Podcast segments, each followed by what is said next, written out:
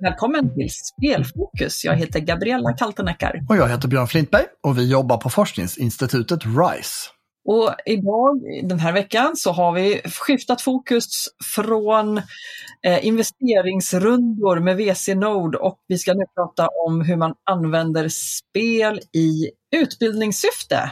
Ja, och det här ska bli jättespännande. Jag har ju en plats, särskild plats i mitt hjärta. När vi drog igång den här satsningen på spel eh, inom RISE eh, så handlade det ju dels naturligtvis om att stärka industrin, det vill säga branschen, eh, men också titta på potentialen i spel som en slags innovationskatalysator. Alltså att, att radikalt förändra olika sätt att göra det vi har gjort traditionellt på andra sätt med hjälp av spel, speltech, och metoderna i spel och hur man tänker kring spel inom pedagogik och inom lärande och inom utbildning. Och eh, dagens gäster är ju verkligen otroligt spännande just den aspekten och sen, sen är jag lite blown away vilken solid bakgrund de här två grundarna har från varsitt håll. Och våra gäster idag alltså är Eh, Matti Larsson, tidigare Sordix och Delia Sadius som har eh, byggt upp Blomstra eh, bland annat, en, ett företag inom vård eh, och har fått flera utmärkelser, bland annat från kungen eh, inom sin, sin yrkesgenre. Så här har vi spelvärlden möter vårdvärlden och det känns som att ljuv musik kan ha uppstått här. vi får helt enkelt släppa in dem i studion och lyssna lite grann. Är det, är det gamification, det som det här dammiga gamla uttrycket som vi alla egentligen tycker om att hata lite grann? Eller är vi på, det känns som att vi är i en helt annan värld. Ja, jag tror, jag tror att vi får, eh, vi får höra vad de har att säga. Eh, jag tycker det ska bli jättespännande, så vi eh, säger hej och välkomna in dem. Då säger jag hjärtligt välkomna till Spelfokus, Delia och Matti. Tack snälla. Tackar. Vi har ju haft ett litet försnack här innan som vi skrattade gott till. Vi var precis inne på att låta er presentera er själva och lite grann var ni kommer ifrån. Vill du börja Delia? Delia Zadius. Jag har drivit ett assistansbolag Blomstra tio år, ja, nästan tio år. Och eh, jag och Matti startade faktiskt våra bolag nästan samtidigt. Vi satt samma, i samma hus. Eh, de satt i en källare och jag satt en våning upp och tyckte att jag var mycket bättre och större. Där nere satt det typ 10-11 oduschade utvecklare brukade jag säga. uh, och tänkte det här kommer ju inte bli av, uh, det här företaget, det kommer inte gå bra för dem. Sen efter några år när de gick till börsen då fick man äta skit så nu varje person som sitter i en källare så känner jag så här de här ska jag investera i. jag tänker bara så många gånger jag fick upp Matti att göra kaffe och hans anställda öppnade dörren och jag tänkte ah, det är ju synd om dem. Men det var inte så fallet. Ehm. och det var, det var alltså då för Clarity, vilket bolag då? Eh, Zordix. Och, och, känner man till dataspelsbranschen lite grann så känner man helt säkert till Zordix. Ja, men det är jättekul att få höra the origins av eh, ja, källarbolag till stort börsnoterat bolag. Ja, men och det är ju som vi skapade en jättebra relation med hans anställda och mina anställda så vi dök upp på varandras eh, julbord. Att jag fick följa med hans eh, företag och han fick komma och träffa mina kunder och personal. Så det har varit en lång resa men nu, nu är vi här med Educate Smart. Ja, men, tack snälla, jättespännande. Och Matti, har du samma upplevelse?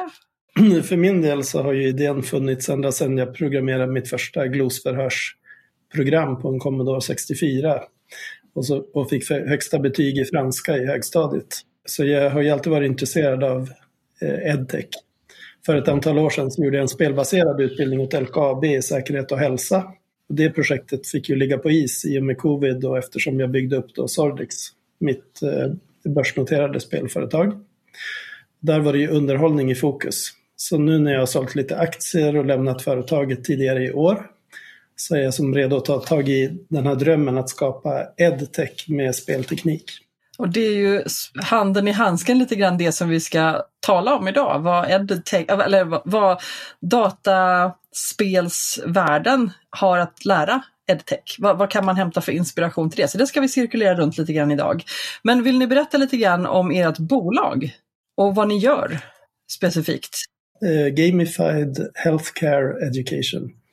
Vi utbildar personal i vårdbiträden inom assistans och hemtjänst, äldreboenden, LSS-boenden, i ja, all grundläggande vård kan man säga.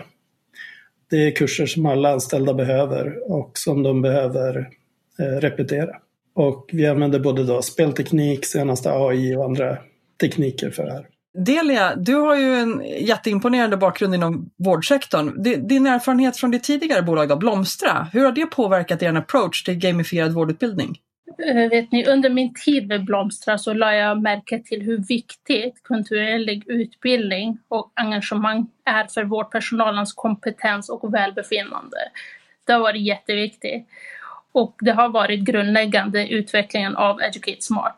Så att eh, de här utbildningarna som vi har nu är ju mer effektiva och lärande och att, när man, att man kan repetera utbildningarna, det stärker deras kunskap bättre. Och eh, nu har ni ju era respektive bakgrunder så det är klart att ni har kanske börjat, börjat gräva i det när ni byggde det här bolaget. Men någonstans måste ni ju ha kommit fram till att, att kombinationen av spel och vård och utbildning är bra? Vad, hur liksom, gick argumenten eller vad, vad, vad var det som gjorde så att men det här är bra nog för att bli ett bolag av detta? Det här vill vi faktiskt bygga någonting runt. Vad var det som gjorde att ni kom fram till det? Jag tror att eh, för min del som har drivit ett vårdbolag att personalomsättningen inom vården och då menar jag det som är på golvet, äldreboende, assistans och hemtjänst. Med tanke på den ofta höga personalomsättningen inom vården kan kostnaderna för kostnad och tid, det, det kan skena iväg väldigt fort. Och eh, där man tänker hur kan man skapa mer eh, kostnadseffektiv eh, och eh, med den här nya utbildningsmaterialen. Det är ju det som jag har med mig från vården, att hur kan man göra det mer effektivt? Så ni, du såg ett behov där att, att det, här skulle vi kunna fylla eh, att, att, snabbare få in människor i arbete. Och eh, att eh, inte behöva upprepa den med, med, hjälp av en individ utan att man har liksom ett utbildningsmaterial då, som kan automatiseras på ett sätt. Ja, och, och att kunna repetera för att man glömmer. Jag, jag har varit själv assistent eh, direkt efter gymnasiet jag hoppade av gymnasiet andra året så började jag jobba inom vården. Och eh, hur fort man glömmer de här utbildningarna i förflyttningsutbildning, HLR och hur viktigt det är att ha Uh, att ha repeterat, alltså det finns ett system där det funkar att jag som anställd kan gå in och inte bara det, att med ens egna språk att kunna se det också. För det måste vara ett säkert eh, uh, insats från personalen för kunderna att Eh, och det är ju det som är, eh, jag tror det är det som vårt styrka, att kunna ha det här på många olika språk tack vare AI. Och hur funkar era utbildningar? Ni har ju precis lanserat det här Edu Educate Smart med en portal där det finns olika kurser. På vilket sätt har ni använt spelmekanik eh, för att förbättra de här utbildningserbjudandena som ni har?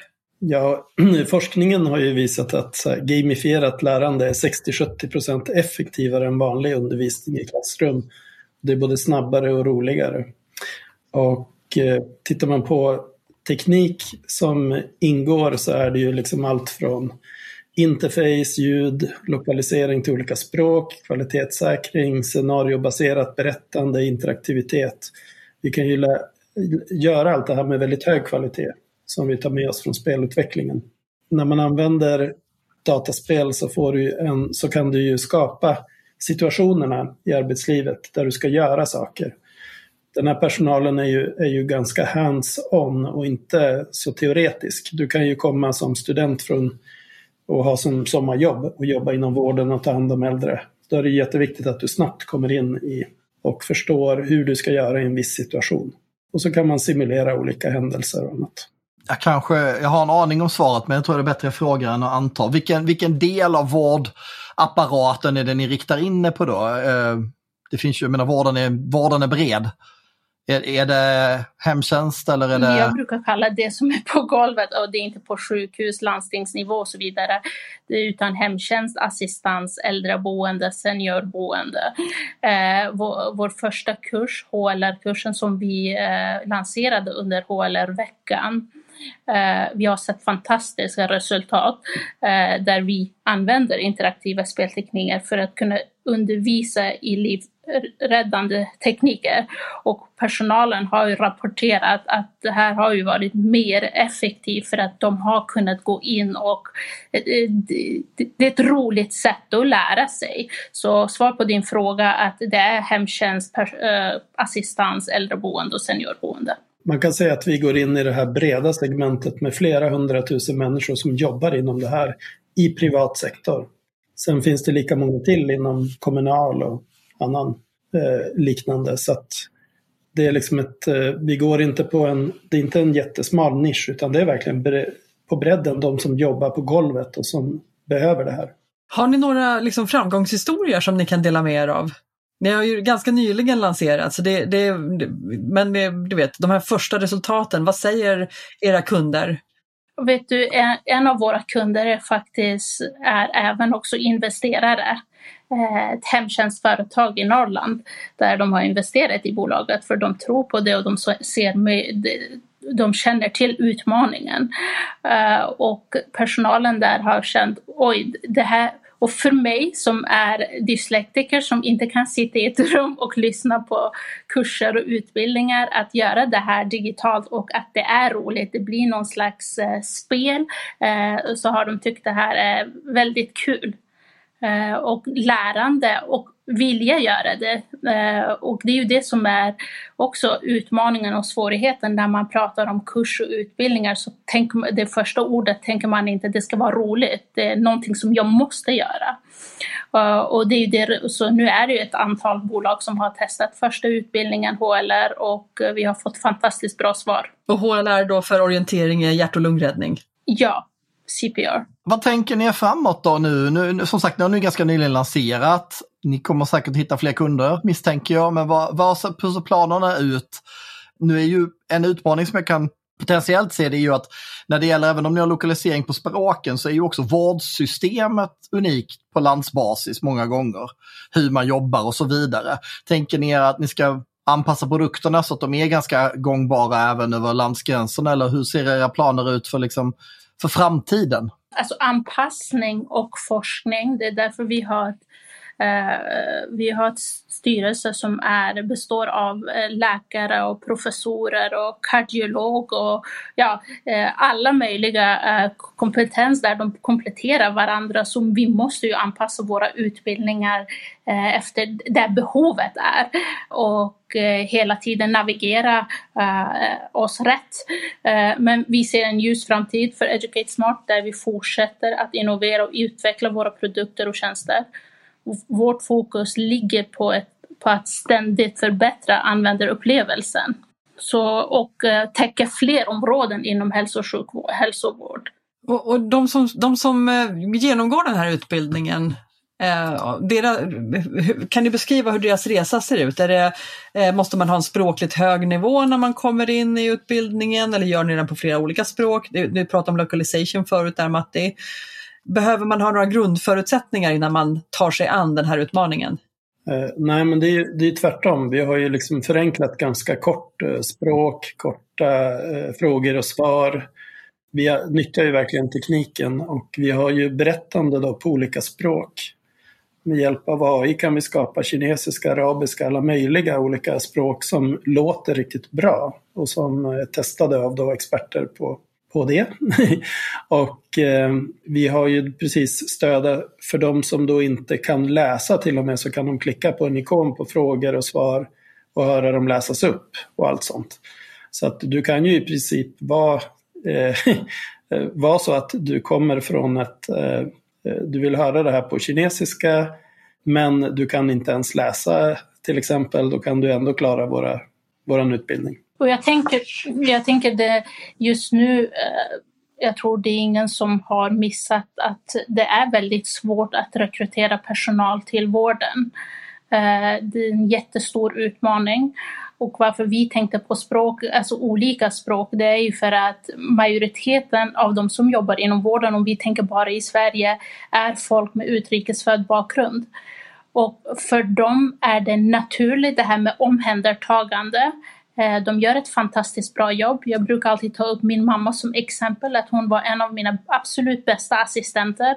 Lite partisk, men hon var väldigt bra eh, för kunden som hon jobbade hos. Men hon var analfabet, hon kunde prata svenska, men att klara av att gå de här utbildningarna på svenska var en utmaning för henne. Så hade vi haft det här systemet där hon kunde höra på svenska eller läsa eh, på sitt eget modersmål så hade det funkat bättre. Eh, så det, det är en jättestor utmaning och jag tror vi kan täcka den här eh, eh, biten av målgrupp. Det är ju ganska intressant. Jag tänker på en del projekt som, som vi involverade på, på annat håll, just kopplat till yrkessvenskan i olika typer av vård och omsorgsyrken. Det, det pågår ju, det är, ju, det är en stor fråga i många kommuner och många områden. Därför att, att mycket av personalen som i, definitivt inom kommunal, ska säga, eh, vård och omsorg, är ju personer som har en annan bakgrund än, än svensk. Och då, då kan det vara, som du säger, svårt med, även om man har en tillräcklig svenska för att jobba så, så kan ju Eh, Eh, det man brukar kalla upskill, alltså kompetensutvecklingen kan bli utmanande för att det, det är stora trappsteg att ta sig upp för när man nu inte har, eh, har så pass bra språk att det blir enkelt och självklart när man börjar komma in på fackspråket. Och jag tror det är där man måste möjliggöra och skapa vägar så att de ändå kan klara av att vara kvar. Och kompetensutveckling är ju inte bara bra för att du kommer göra ett bättre jobb för kunden utan det är också bra för dig som anställd att du utvecklas hela tiden eh, som person. För att det blir Eh, jag vill inte kalla det för ett tråkigt jobb, men när man går till jobbet och gör samma sak hela tiden och det finns ingen utveckling, alltså du vet exakt vad du ska göra när du kommer till jobbet, så kan många, det är därför det har blivit genomgångsyrke, man jobbar ett tag så går man vidare till det som kallas ett riktigt jobb, man börjar plugga och så vidare. Så vårt mål är att att kunna behålla, med hjälp av den här plattformen, att kunna behålla personal inom vården både behålla och vidareutveckla och säkerställa att liksom nyheter ja. kan komma in och nya tekniker inom vården och, och, så vidare. Att det går snabbt att implementera och köra ut då enligt deras system. Ja. Det är ju jättespännande. Jag, jag tänkte också på det, de arbeten som vi har eh, där vi också stöttar den, de här initiativen med just yrkessvenska som en, en viktig faktor. Har ni någon språklig inriktning som del av utbildnings, utbildningsportalen? Nej, vi har inte gjort någon så här SFI-kurs. Det kanske kommer senare. Eh, däremot ska man ju tänka på att många av de som behöver vård pratar ju också olika språk. Och för dem kan det vara en jättestyrka att få någon som pratar samma eh, språk som kommer ut och vårdar så att säga. Och vårt, eh, vårt mål är också att kunna bygga alla typer av utbildningar som underlättar också för att det är inte bara personalen som har ett ansvar, rättigheter och skyldigheter utan det är kunderna också att veta att jag har den här hjälpen, till det här fantastiska systemet vi har i Sverige som inte finns i många andra länder. Att vad, vad är mina skyldigheter också som brukare eller kunder? Att man kan skapa utbildning för dem också och kurser så att de kan ta del om, på sina egna språk och så vidare. Så man vet vad man har som, att förvänta sig när man, när man ja. är brukare då eller kund? En stor fördel är att vi snabbt kan ändra i materialet. Vi kan anpassa allt utifrån kunden, testa nya metoder för inlärning och så vidare.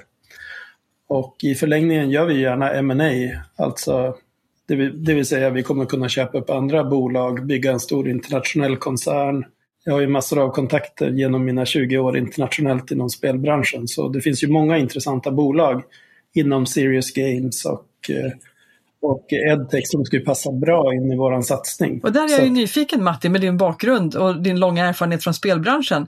Eh, det, det har ju inte liksom riktigt exploderat av Serious Games-utvecklare i Sverige än. Hur ser du på den framtiden? För er verkar det ju liksom vara en solklar, tydlig väg framåt. Men hur, hur ser du på infrastrukturen i, i, Sverige för att åstadkomma det här? Ja, vi, vi startade med Sverige först och inom vården där det är mm, liksom gigantiskt behov till att börja med. Så att det här är på lite sikt att gå vidare. Men du, när man tittar på, eh, på hur man kan lägga upp det här så börjar ju folk lite i fel riktning. Du måste ju ha, som Delia, hon känner alla kunder, hon känner till behovet, hon vet precis vilka utbildningar hon har haft för sina anställda. De var 150 anställda som innan hon sålde sitt bolag då, i assistans och hemtjänst. Med, när man känner kunderna, behovet, man har det nätverket, då kan man ju leverera det som de verkligen har behov av på riktigt. Och eh, det som är jättemånga satsningar, men det gäller hela världen, det är att man har kört ett EU-projekt eller man har kört en finansiering av liksom, kanske någon brandmannautbildning eller något annat och så fastnar man i att man bara har levererat till en enda eh, kund, eh, något sjukhus eller en skola som inte heller är så kapitalstark. och då, då, är det klart att de kör fast de här projekten och inte kommer vidare om de inte har en bra affärsutveckling. Och det är väl liksom det som vi, vi främst kan eh, bistå med i nästa fas. att se till att det faktiskt matchar mot de riktiga behoven. Och, och, du var ju redan inne där på Delias djupa kunskap om branschen och Delia, du har ju fått en del utmärkelser inom vården och företagande. De, de erfarenheter som du har fått där, hur påverkar det visionen för EduTechSmart och hur ni tänker liksom framåt med affärsstrategin? Vilken blir nästa bransch? Liksom? Eh, nästa bransch. Just nu är ju full fokus på vården. Det är ju det som jag vet bäst. Men säkerhet, utbildning, kompetenshöjning, det är ju det som är det som jag brinner mest för. Och det är ju det som vi har lyckats bäst med i Blomstra. Jag brukar alltid ta det här eh, Försäkringskassan gjorde en film om eh, Blomstra och det var ju ett enda vårdbolag i Sverige och då kan du tänka att det finns hundratals assistansbolag, hemtjänst och så vidare. Och, eh, och det är ju hur man hur jobbar man med personal för att behålla dem i verksamheten? Eh, och Försäkringskassan ska ju egentligen inte göra en sån film för att de är ju vår betalningsmottagare men den filmen var uppe i nästan eh, fem år. Där känner jag, jag kan säga med lite självförtroende att jag vet behovet.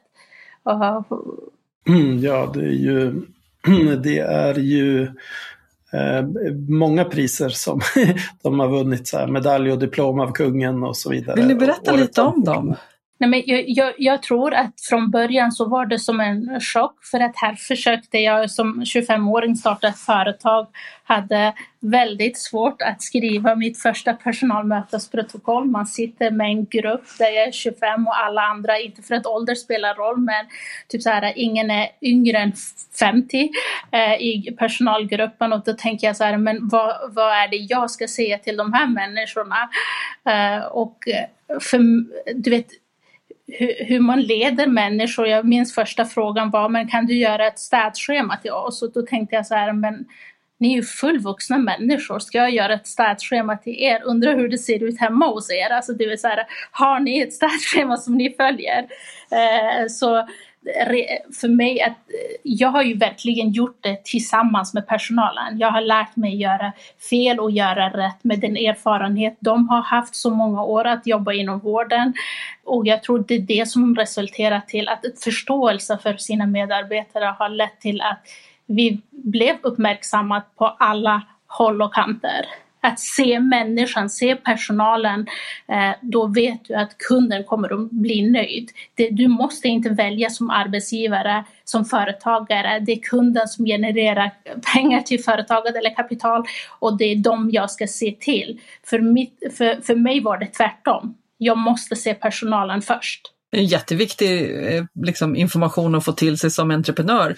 Det, jag, jag, ställer ofta den frågan eftersom jag har varit entreprenör själv. Vi alla som sitter här idag har ju på ett eller annat sätt eh, företagare är lite i bakgrunden säkert också med föräldrar och så. Men vad, vad är liksom resursen som man har? Vad är, vad är liksom det viktigaste som finns i företaget? Och det är väldigt många som svarar, men det är prylarna. Ja, men, men, men det, ju, det, vet ju vi som sitter här nu att det är inte sant utan det är faktiskt den enda resursen man har är personalen. Det är de som ska leverera på allting. Så att har man en hammare men ingen som kan använda hammaren så är hammaren värdelös. Har man en person så kan man i alla fall få den personen att gå ut och köpa en hammare för att kunna göra jobbet i den enklaste formen? Vet du, jag, jag ser ju hos väldigt många företag och jag träffar väldigt många företagare som säger ja men personalen, personalen och eh, vi, eh, du vet, de är nyckeln och jag känner inte av det där när man pratar med personalen men det är inte alls så man Eh, Eh, man lever inte efter det som man säger och skriver som företagare. Och i mitt fall så var det väldigt viktigt att göra det, att ha som mål att personalen ska vara bolagets ambassadör. Jag ska inte gå ut och köpa reklam för bolaget. Jag ska inte gå ut och jaga eh, kunder och så vidare. Det är personalen som ska ut och säga det här bolaget det, de är mina ambassadörer. Då har man lyckats tror jag som företagare. Ja, men det är ju så otroligt sant. Alltså, det är ju målet som, som man ändå har när man har, jag menar jag har också ett företag. Och lägger man inte vikten vid personalen, eh, och det, det, här finns ju mycket litteratur kring naturligtvis, men att om man inte jobbar tillsammans med sin personal utan man jobbar bara för kunderna, det är ungefär samma sak som att bara jobba för produkten. Eh, det hjälper inte, det finns ingen dyrbarare resurs än personalen. Och, och då är man ju tillbaka till det ni jobbar med, det vill säga att, att investera i sin personal genom att ge dem rätt utbildning, rätt förutsättningar och göra det på ett smart sätt är ju ett sätt att bygga bolaget framåt på. Jag tror, jag tror att det som är viktigt, även om du är ett jättestort organisation där du inte kan fråga alla dina hundratals medarbetare, hur mår du, hur var din dag? Lite klyschigt, men att bry sig, att ha den där arbetskulturen hos dina chefer, att det är jätteviktigt att du ser personalen. Det är jätteviktigt att du ser Pelle som kommer in som kanske inte ser så glad ut, att du frågar har det hänt någonting? Att, det, det, att, det, att se personalen och deras behov är jätte, jätteviktigt. Jag tänkte, ni sitter ju, ni är baserade i Umeå, visst är det så? Eh, vi har, vi har kontor i Umeå och i Skellefteå. Och eh, Matti, det står här på er hemsida, Our location means innovation. Vad är det som gör att just Umeå liksom är en bra plats i norra Sverige för att bygga innovationsbolag? Det är ju inte det första innovationsbolaget vi ser komma ut ur de norra regionerna. What's the secret sauce? I Umeå har vi ett universitet med 35 000 studenter ungefär. Och befolkningen är kanske 120 000. Så att det är en jättelåg medelålder, det är väldigt mycket energi i, i stan. Det betyder att det är forskning och innovation. Vi har eh, ju från universitetet hundratals människor som kommer ut varje år som kan jobba inom spel och vi har ju även via Wallenberg och andra en jättestor AI-satsning. Jag vet inte hur många eh, 50-tal anställda på universitetet som bara forskar inom AI till exempel. Och det har de gjort i många år. Vi har eh, Designhögskolan som är topp 10 eller topp 3 rankad i världen ibland inom design där alla jobbar på stora, de största bolagen. Eh, det finns otroligt många exempel men det är också, vi var ju först ut också med eh, Nordens första börsnoterade spelföretag här i Umeå. Eh, som, som jag bland annat började på en gång i tiden, 97. Det, så att vi, det finns, under den här IT-boomen så blev det ganska fort väldigt innovativa bolag då, här i Umeå. Och sen både universitet och sen de som har gått spelutbildningar som har flyttat hit och annat. Så det, det ger ju liksom en bra grogrund. Sen har vi Norrlands universitetssjukhus eh, som är jättestort eh, inom vård och omsorg och där har vi då överläkare i kardiologi, överläkare på intensivvårdsavdelningen så både delägare och investerare en sitter i styrelsen i vårt företag nu. Och alla de här sakerna sammantaget gör ju att vi har perfekta förutsättningar. Och då slår man ihop det här med entreprenörskap inom assistans och hemtjänst och, eh, och spel och eh, edtech och annat som jag brinner för så har du liksom en väldigt, det är en väldigt konkret mix. Eh, I och med det här, jag har ju halva släkten jobbar ju också på universitetet som forskare och annat för min del så att det är ju inte så att jag inte har koll på de bitarna.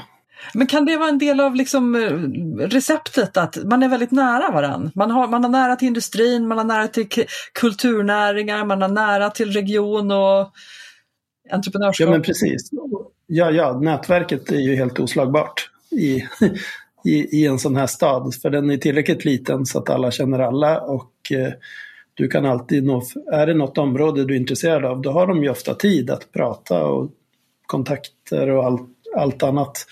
Hade jag flyttat till Stockholm hade jag varit en liten fisk i en jättedamm. Och liksom, jag tycker det här pass, passar ju mig alldeles utmärkt. att Här där man har etablerade relationer och nätverk kan man så bygga jättemycket saker. Sen, och sen kan man gå ut direkt globalt i världen.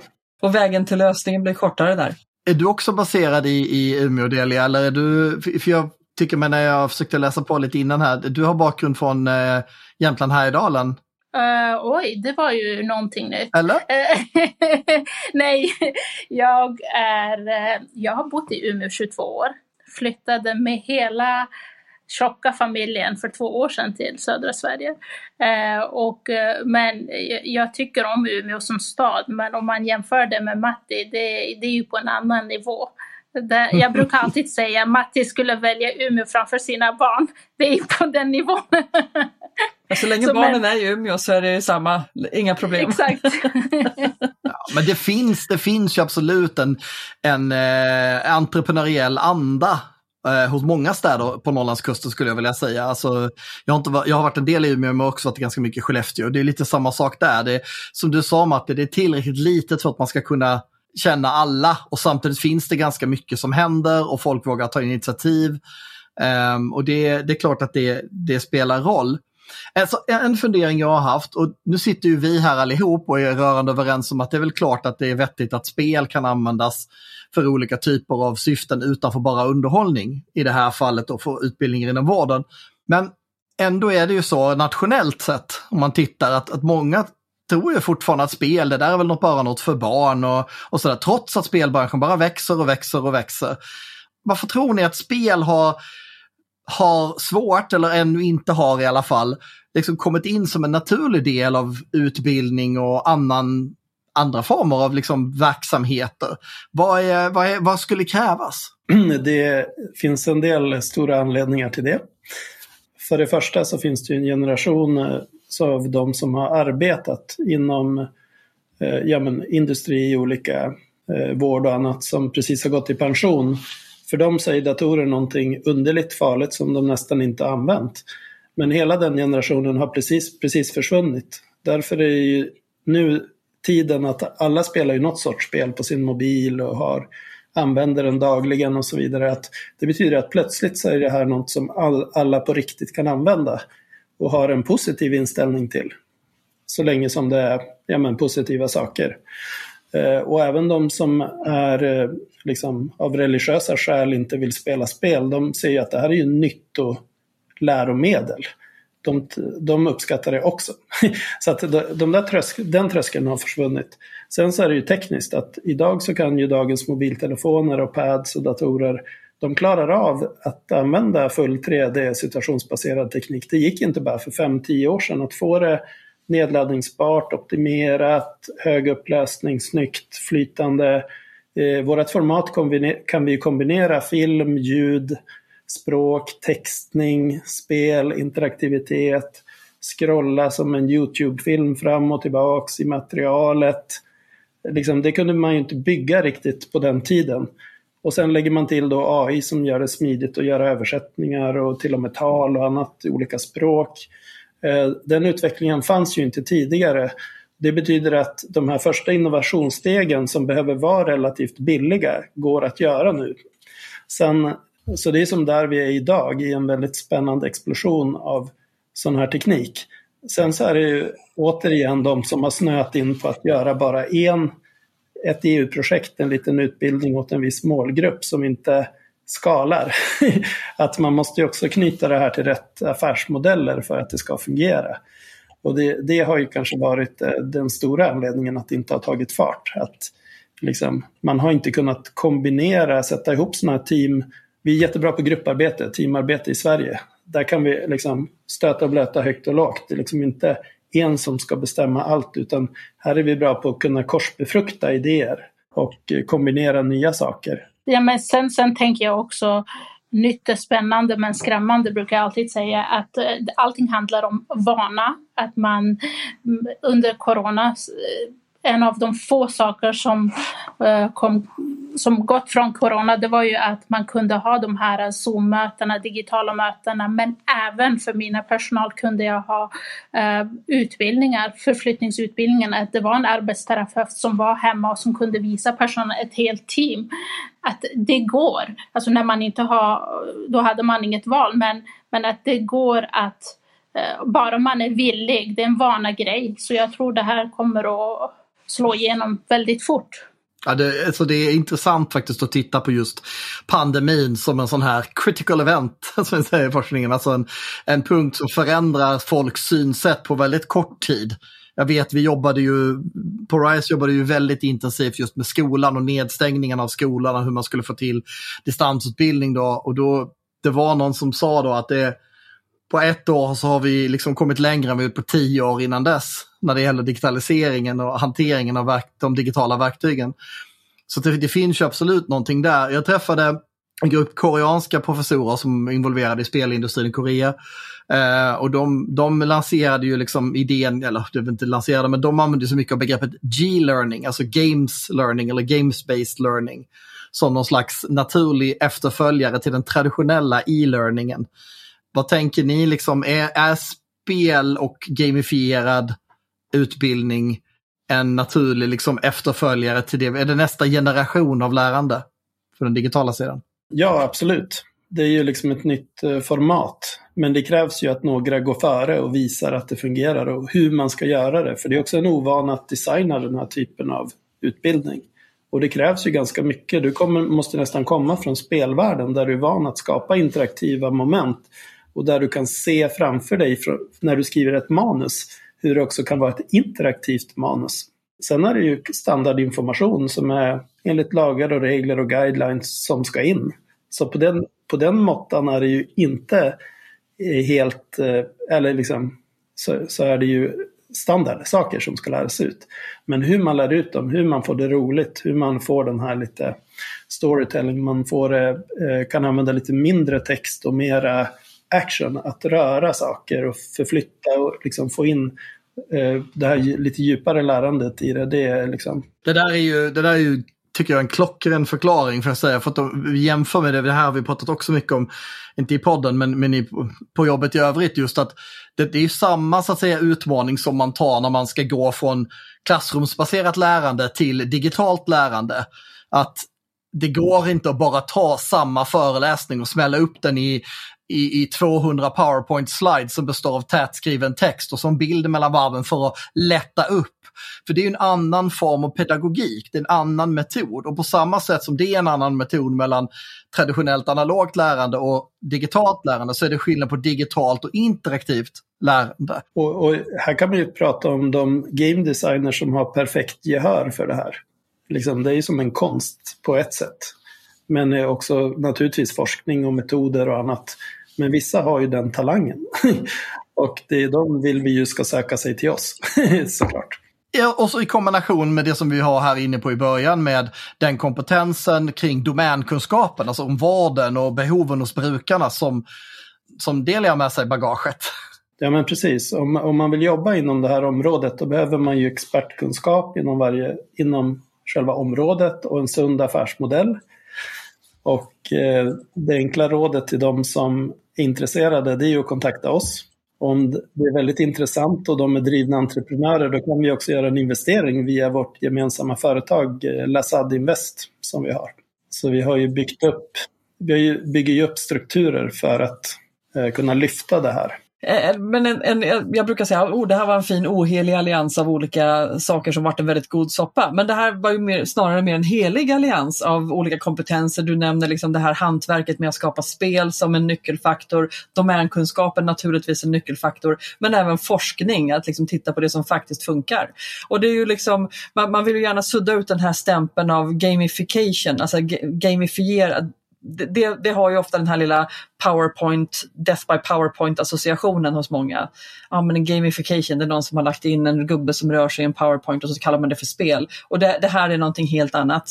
Ja, eh, jag tycker man kan prata i termer om ett nytt format för undervisning. Det kan ingå liksom absolut eh, med PowerPoints och en föreläsare, AI-animerad naturligtvis, som står och föreläser och visar saker. Eh, men det är också så mycket annat. Just den här friheten man har i formatet är väldigt stor. Men det gäller ju, det som också är tricket är ju de här reglerna hur, som sagt, hur lite text ska man ha på en, vad ska man visa med bild, vad ska man visa med filmer och vad ska, vad ska vara interaktiva moment. Eh, jag tycker det mesta är lite åt sunt förnuft, men du har ju också en du, du, man kan också ställa upp de här reglerna och eh, förklara hur man ska tänka och hur man designar och vad och varför och sen koppla det även till forskning naturligtvis. Tiden börjar springa ifrån oss, kära vänner. Eh, men eh, nu när vi spelar in det här så är vi i slutet på november och jag kommer i alla fall befinna mig i Umeå nästa vecka. Så det kan vara så att vi springer på varandra där ifall vi är på Arctic Game. Ja, det är ju Arctic Game Week i Umeå, konferens. Så det, där hoppas vi att ni som lyssnar har varit och, har ni inte varit där i år så får vi hoppas att ni kommer dit nästa år. För vi, vi börjar ju närma oss slutet på året och eh, nya spännande saker som händer nästa år. Och vi kommer följa er med stort intresse. Vi får säkert orsak att prata igen, tänker jag. Får jag bara säga, det är jätteviktigt att man också tar med sig, det är väldigt många som har trott på oss, som har investerat i bolaget här i första rundan där vi har sökt finansiering bland annat innovationsstöd från Region Västerbotten. Eh, det, det består av ett fantastiskt kunniga jurymedlemmar där de tror på det som vi skapar. Eh, investerare som består av företagare, läkare, professorer. Så vi, eh, det här är någonting som ni inte kan missa. Med det får vi tacka er för att ni var med idag och ville dela med er av er resa. Eh, vi önskar er allt lycka till och fortsatta framgångar. Tack snälla. Tack så mycket. Ja, men eh, ja, det var ju verkligen en, en, helig allians av kompetens och engagemang som har skapat det här företaget och en jätteintressant satsning inom Edutech Smart. Ja, alltså två, två väldigt väl pålästa och kunniga entreprenörer som redan har framgång i bagaget och som ser nya möjligheter när spel möter mer traditionella näringsformer. Eh, det är klart att, att de eh, får stort intresse vi fick ju veta lite här i, i, i, samtalet med dem att de har ju haft kö för att kunna investera. De har kunnat välja och vraka bland investerarna. Det är ju otroligt intressant på många sätt. Eh, jag tänker att den här typen av bolag som de representerar, nu är det ett väldigt ungt bolag, jag tror vi kommer att se mer och mer av det. Det har jag sagt i snart ett år till dig, jag har tjatat hål i huvudet på dig om det.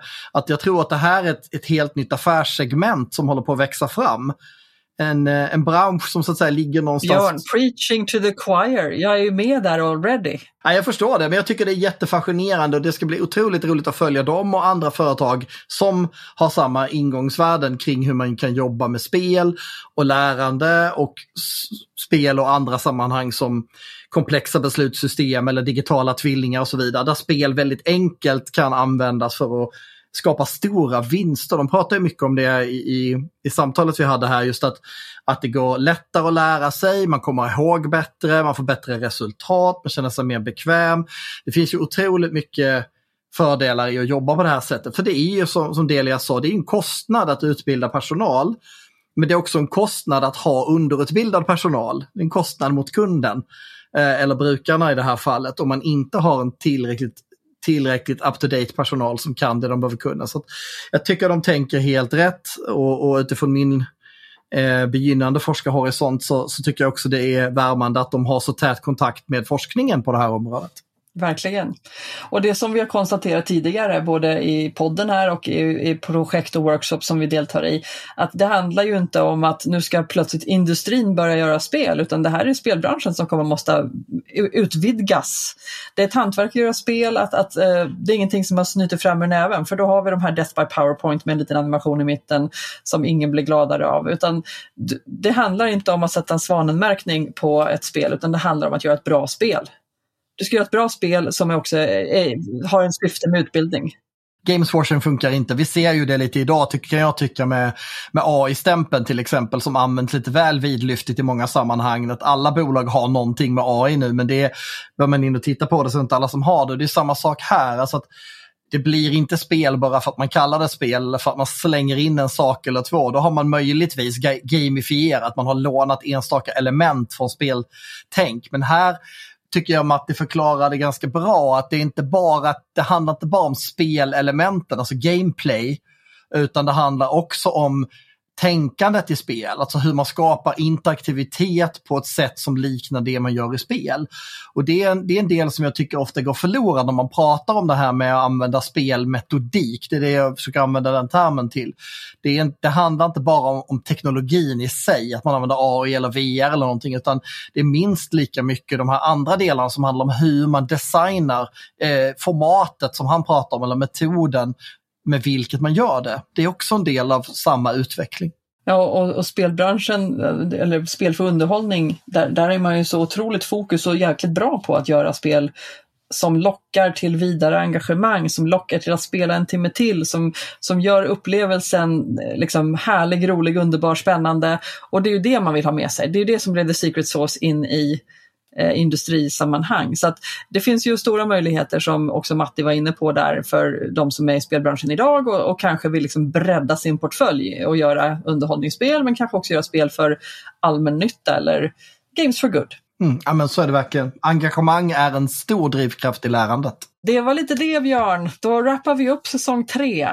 Ja, tänk att det har gått så fort. Tre säsonger av spelfokus och jag tycker det börjar bli allt vanligare att folk säger att de har lyssnat på podden så det är ju väldigt bra. Det är, vi är alltid glada när folk både lyssnar och gärna också delar avsnitt som ni har hört och som ni tycker är intressanta för just det ni håller på med. Det är vi väldigt tacksamma för. Fler lyssnare eh, gör oss ännu gladare. Eh, och vi ser fram emot säsong fyra. Vad, vad har vi på gång där? Vill du ge någon form av tjuvkik, Gabriella? Ja, alltså först och främst måste jag säga tack till alla er som har skickat in tips. Vi har spelat in flera avsnitt den här säsongen eh, som har varit med, eh, ja, på, baserat på tips från er som lyssnar. Så tack för det. Och det kommer fortsätta även nästa säsong.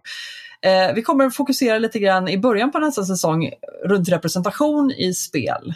Och vi kommer prata med en forskare som heter Josephine Baird fantastiskt intressant. Eh, vi kommer vända blicken norrut igen och förhoppningsvis besöka Boden och diskutera lite med eh, spelutvecklingen där. Vi har eh, ett jättespännande avsnitt som vi verkligen ser fram emot som vi håller tummarna för blir av nästa säsong, annars kanske vi får flytta fram det lite grann. Men eventuellt så ska vi besöka ett visst arkiv i mellersta Sverige där det finns mycket spel. Vi ska väl eh, försöka att göra lite mer på plats avsnitt i kommande säsong. Eh, det är en liten utmaning för oss, en liten eh, trappa, men vi ska nog ta oss an det också. Men nu är det jul snart och vi får försöka att eh, ta, eh, ta och blicka framåt och så ses vi igen nästa säsong. Ja, och vi återkommer alltså som sagt i slutet på januari och tills dess, ha en fantastisk ledighet och välkomna tillbaka! Välkomna tillbaka!